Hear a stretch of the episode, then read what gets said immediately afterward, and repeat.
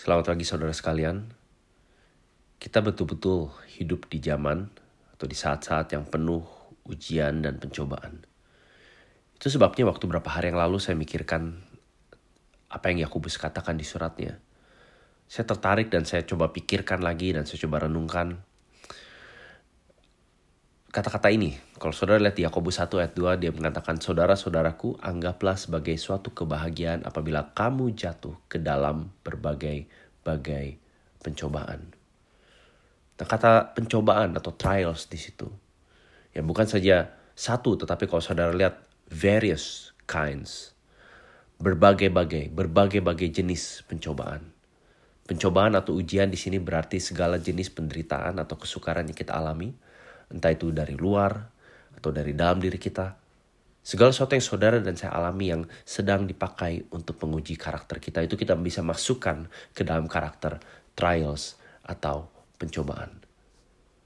Nah kita semua pernah mengalami ini. Bukan saja waktu masa-masa krisis yang sulit dan begitu baru bagi semua kita. Kita semua pernah mengalami rintangan, halangan, kemunduran. Kita pernah mengalami hal-hal yang buat kita sedih, marah, sakit hati, kecewa, tersinggung. Kita semua pernah mengalami perkataan atau tindakan orang lain yang melukai kita. Kita semua pernah memikirkan atau memikirkan secara berlebihan ya hal-hal yang kita bayangkan walaupun belum terjadi. Nah, saudara semua itu masuk di dalam kategori waktu Yakobus mengatakan apabila kamu jatuh. Mungkin lebih tepat lagi diterjemahkan apabila kamu menghadapi berbagai-bagai pencobaan. Di dalam bahasa Inggris yang saya punya dikatakan when you meet trials of various kinds. Yang menarik adalah Yakobus Yakobus mengakui bahwa kita akan mengalami pencobaan yang berbagai bagai macam bentuknya, tetapi yang dia mau adalah untuk menganggapnya sebagai suatu kebahagiaan. Sebetulnya kalau saudara lihat di terjemahan bahasa Inggris lebih buat saya itu lebih surprising lagi karena dia lebih mengagetkan lagi karena dia mengatakan count it all joy. Anggaplah sebagai kebahagiaan yang besar di terjemahan lain, kebahagiaan yang murni, pure joy. Atau terjemahan lain mengatakan anggaplah ini sebagai kesempatan untuk mendapatkan sukacita yang besar. Nah, kalau kita membaca berita, kalau kita membaca pesan-pesan di WhatsApp, sedikit sekali ada unsur kebahagiaan atau sukacita di tengah pencobaan yang kita alami, betul nggak? Di tengah trial dan ujian. Rasanya semuanya serba sulit, menekan, membawa kemarahan, putus asa, frustrasi, dan lain seterusnya. Dan kalau misalnya hidup kita itu dibagi kedua kolom gitu ya, pengeluaran dan pemasukan, maka saya yakin semua dari kita akan memasukkan, akan menempatkan segala jenis penderitaan itu di kolom pengeluaran. Kita merasa rugi bukan? Kita merasa ini membuang-buang waktu, kesempatan, merusak rencana yang sudah dirancang jauh-jauh, me mengganggu uh, kenyamanan yang kita miliki, mengganggu ritme hidup yang kita sudah punya, mengganggu relasi kita atau perasaan kita dengan orang lain. Kita menganggap itu sebagai pengeluaran karena reaksi kita biasanya adalah kok kayak gini sih? Atau kita mulai menyalahkan diri kita salahku di mana ya? Atau kapan kita kita bertanya sama orang lain atau sama Tuhan, Kak, ini sampai kapan mau seperti ini? Kita menjadi marah, frustrasi, putus asa, dan lain seterusnya. Kita menganggap penderitaan dan kesulitan kita itu masuk ke dalam kolom pengeluaran. Dan dan solusinya sekali lagi saudara bukan berarti kita mengatakan udah yang penting kita beriman aja. Uh, kita tahu Tuhan punya rencana. Nah saudara saya tahu ini bagi kebanyakan kita maksud saudara mengatakan itu baik. Tapi sering kali itu uh, kita hanya berhenti di situ dan kita kita nggak berpikir lebih dalam lagi apa maksudnya beriman pada Tuhan.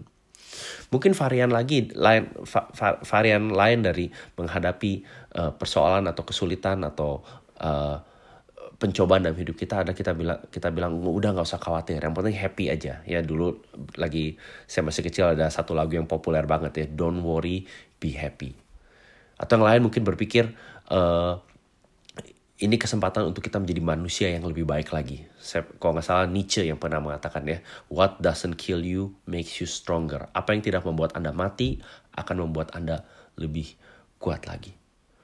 Nah saudara problem saya adalah kalau kita cuma berhenti di situ, saudara nggak perlu percaya sama Yesus. Saudara nggak perlu berdoa kepada Tuhan. Saudara tidak perlu uh, bahkan bisa dikatakan Yesus nggak perlu datang untuk menyelamatkan kita sekedar dari perasaan tidak enak, tidak nyaman, kesulitan yang kita alami. Yang membuat saya iman, yang membuat saya melihat iman Kristen itu indah dan luar biasa adalah ini. Saudara perhatikan, di dalam kekristenan, penderitaan itu real. Penderitaan itu sulit. Bahkan Yesus sendiri mengalami penderitaan. Yesus sendiri menderita dan melaluinya dengan tangisan air mata. Yesus sendiri melalui uh, penderitaan dalam hidupnya dan puncaknya waktu dia mengalami penderitaan di kayu salib dengan tekanan batin, dengan permohonan, dengan tangisan. Dia merasa sendirian, dia merasa ditinggalkan. Itu artinya ada sesuatu yang lebih penting daripada sekedar melalui penderitaan dan berharap ujung-ujungnya kita menjadi manusia yang lebih baik lagi.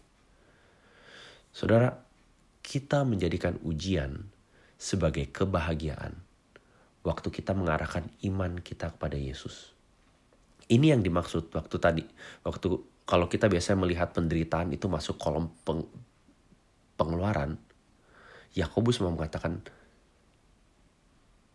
anggap saja atau pertimbangkan untuk memasukkan penderitaanmu ke dalam kolom pemasukan. Gimana caranya? Karena waktu kita melihat pada Yesus, kita melihat seseorang yang menderita mendahului kita dan menderita bagi kita. Kalau saudara melihat penderitaan Yesus, penderitaan Yesus, kematiannya, keterpisahannya dari Allah, perasaannya terisolasi seperti kita sekarang kebanyakan merasa terisolasi adalah pintu menuju kebahagiaan abadi. Pintu menuju relasi yang dipulihkan antara manusia yang berdosa dengan Allah yang suci. Kalau penderitaan Yesus yang adalah penderitaan yang terbesar yang manusia pernah alami, itu membawa kita pada kebahagiaan abadi, kebahagiaan yang sejati. Maka kita yang percaya pada Yesus bisa percaya bahwa penderitaan kita sekarang pun punya tujuan yang sama. Saudara, masa-masa sulit, entah yang sekarang atau yang saudara pernah alami, yang saudara akan alami, adalah kesempatan yang paling bahagia karena Allah sedang membawa kita mendekat kepadanya. Anda dan saya saat ini seperti sedang diundang ke dalam ruang olahraganya Tuhan, ke dalam gymnya Tuhan. Dan sama seperti saudara yang pernah ke gym atau berolahraga, di sana bukan tempat kita melihat peralatannya, bukan kita melihat foto-foto orang yang ototnya atau potongan tubuhnya itu ideal. Kita kita tidak tidak di sana bahkan untuk menonton orang lain berolahraga. Kita di sana untuk mengolah otot kita sendiri, mengolah tubuh kita yang lemah sehingga menjadi kuat. Kalau saudara pernah berolahraga atau ke gym, kita di sana belajar untuk ditekan dan ditarik nggak ada yang datang ke gym cuma duduk-duduk nyantai minum teh gitu ya minum kopi terus pulang lagi semua yang pernah ke gym atau berolahraga tahu gimana sakit badan kita setelahnya gitu ya tetapi juga semua yang pernah berolahraga tahu manfaat kesehatan dan kekuatan ekstra yang diraih. Sehingga bagi saudara yang tahu maka berikutnya begitu kita olahraga kita tidak lagi memperhitungkan atau menganggap itu sebagai pengeluaran atau kerugian betul nggak? Kita menganggap itu sebagai pemasukan. Nah saudara, waktu kita melihat pada Yesus, mari kita melihat penderitaan dan kesulitan kita tidak lagi sebagai pengeluaran, tetapi sebagai pemasukan. Pemasukan di mana Allah sedang mentransformasi hati dan pikiran saudara dan saya untuk menjadi semakin seperti Kristus. Itu sebabnya waktu saya memikirkan bagian ini saya teringat oleh bagian lain dalam firman Tuhan di Ibrani 12 di mana dikatakan marilah kita melakukan maksudnya marilah kita melakukan perlombaan iman ini dengan mata yang tertuju pada Yesus yang memimpin kita dalam iman dan yang membawa kita sorry yang membawa iman kita itu kepada kesempurnaan dan perhatikan ini di sana dikatakan bahwa yang mengabaikan kehinaan kehinaan tekun memikul salib ganti sukacita yang disediakan bagi dia yang sekarang duduk di sebelah kanan tahta Allah. Kalau saya boleh ubah sedikit susunan kata-katanya adalah Yesus yang yang melihat sukacita yang disediakan bagi dia. Dia mengabaikan kehinaan dan tekun memikul salib. Saudara, Yesus adalah pendahulu kita. Dia tahu bahwa di balik salib penderitaan itu ada sukacita yang besar. Sukacita Yesus dalam hal ini adalah untuk mengumpulkan orang-orang berdosa di hadapan tahta Allah untuk memuji dan menyembah Allah selamanya. Sukacita Yesus terbesar adalah saudara dan saya diselamatkan, diperbaharui, ditransformasi saat ini.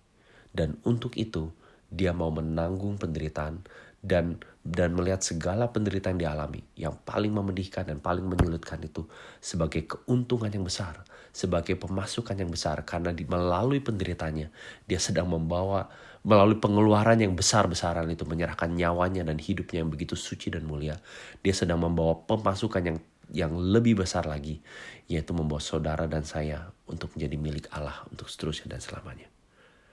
Nah, saudara, mari kita tidak menyia-nyiakan masa penderitaan dan kesulitan ini. Mari kita tidak menyia-nyiakannya dengan selalu menganggap kita rugi, menganggap kita harusnya bisa berbuat lebih lagi, menganggap orang lain atau Tuhan seolah berhutang pada kita.